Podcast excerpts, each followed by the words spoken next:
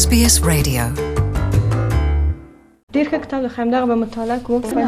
د جهان اندیشه کتابتون ته راغلیم یو شمېر خزي په کتاب لوستلو بوخت دي د کتابتون له یوې جوړونکو ساجدي سره خبرې کوم چې دا مهال د کتابونو په خودلو بوخت ده راته د کتابتون د جوړولو په اړه وایي چې په کوم انګیزه دا کار پیل کړی په دې کتابخانه کې درې زره او نهه سوه کتابونه شته ده چې دا کتابونه مونږ د فیسبوک د مجازي له لارې نه مونږ ویلي دي چې که څوک کولی شي یو کتاب هم مونږ ته راکړي مونږ په هغې باندې قناعت کوو مونږ په ټولني صفحات دغه اطلاع خپور کړی دي او هغوی خپله علاقمند شوي دي مونږ ته په تماس شوي دي یو کتاب که سل کتاب وي هغوی مونږ ته زنګ وهلی دی او مونږ په دفتر کې مونږ ادرس ویلي دي هغوی مونږ ته کتاب راوړی دی ځکه چې هغوی خپله پوهیږی چې دا یو خدمت دی نو هر څوک غواړي چې په ښه کار کې سهم واخلې، برخه واخلې. ښځې تر ډېره کوم ډول کتابونه خوښوي او ګوري؟ وینم ډېر حقوقي او د مېرمنو کوم حقونه شته دي په جامعه کې، هغه کتابونه ډېره مطالعه کوي. کتابخانه تر ډېره ښکلې ډیزاین شوې، قهوهيي رنګ المارۍ او د کتابونو منظم ایښودل د کتابتون ښکلا لا زیاتوي. دلته هغه نجونې هم ډېرې راځي چې د پوهنتون محصلانې دي.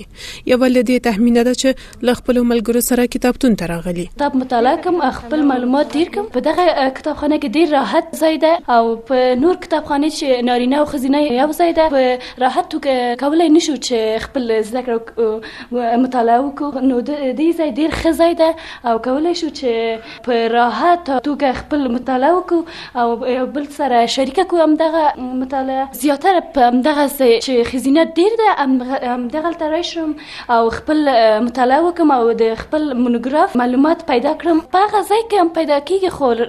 راحت توګه نه 15 کلنه رخسار بیا د دغه کتابتون بل ګډونواله ده چې په اونۍ کې څلور ورځې ورسي زما په نظر باندې د خزو لپاره جدا کتابتون جوړول ډیر ښه ده ځکه خزي کولای شي ځان مسونه احساس کړي آرام احساس کړي نو د دې خاطر زما په اند باندې که دا ښه ده چې دوی وکولای شي یو بل نه جدا په ډېره راحتۍ سره خپل مطالعه وکړي. ډېر لوی افتکار دی د ښځو لپاره چې دوی کولای شي په دې بخشو باندې دوی سرمایه ګذاري کوي او کولای شي په دې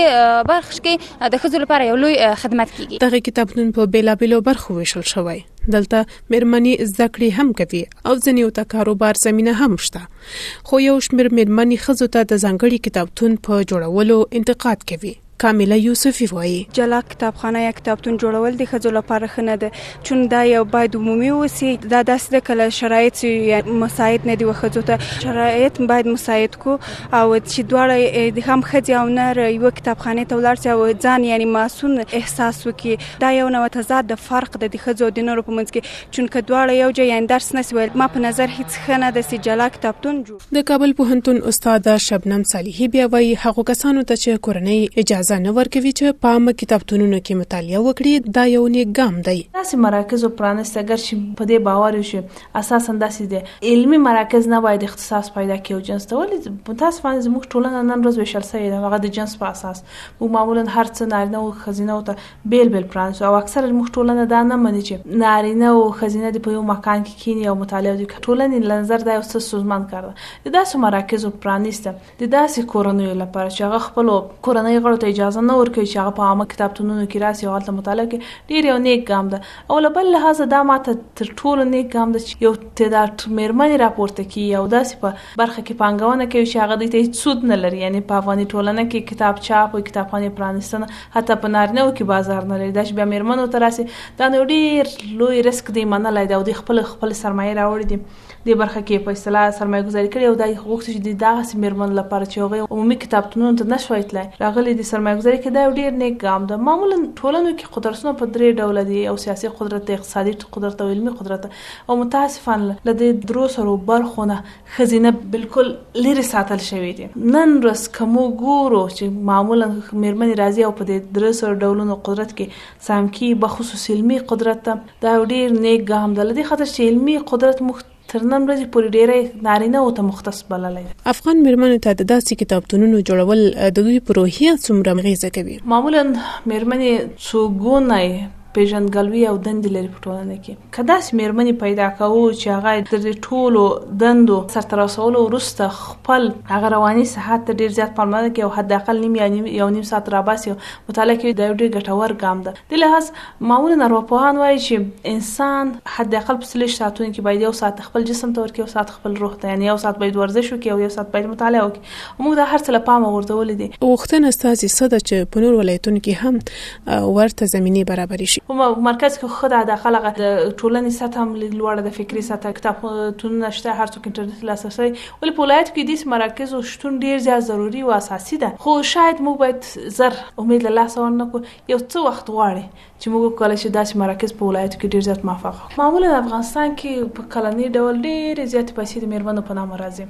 او متاسفانه دا ډېر پیسې بیرته له افغانستان وځي هغه څه جیبو ته ځي سیاست میرمن د پاره کار نه کوي دا او دا د دې منفي یو تاثیر دا چې ډیری کسان فکر کوي چې ولا دا خځې رالی او دا خځې نه چې رسیدل دي د دې پیسو په زور داسې نه ده خه بدای چې موږ داسې کارونه خزو ته وکړو چې هغه اساسي بنیادی مخترن ورځې په دې خزو د پاره کار ته پروژه ویل پروسه کړم نه ده دغه سي مراکزو پرانیسته دا یو پروسه ده دا د ښځو په ذهنیت باندې د یو عمر لپاره نه دا ښځې کله کولن کی ماقخنی کی یو اثار لیکي دا د نسلونو لپاره او دا به یو مثبت کامي بل هغه نړیواله ټولنه هغه برخه چې د ښځو لپاره کار کوي د دولت هغه برخه چې د ښځو لپاره کار کوي فرهنګ د پراختیا لپاره کار کوي هغه نهادونه چې د کتاب د چاپ لپاره د ښځو د لیکوالۍ لپاره کار کوي دغه باید داسې مراکزو په پرانیست او تداوم کې ډیر زیات کار وکړي په دې خاطر چې تداوم یې له دې خاطر وایو چې موږ ډېری وخت ډېر اقدامات وکړو له هغه په نیمه کې پاتې له بلې خوا د افغانستان د لوړ زده کړو وزارت د مخابراتو او معلوماتي ټکنالوژۍ وزارت په همکارۍ په پوهنتونونو کې هم د برېښنايي کتابتونونو په جوړولو هڅه کوي دوی وايي په افغانستان کې د کتابتونونو برښنايي کول به په دغه هیواد کې د کتاب لوستلو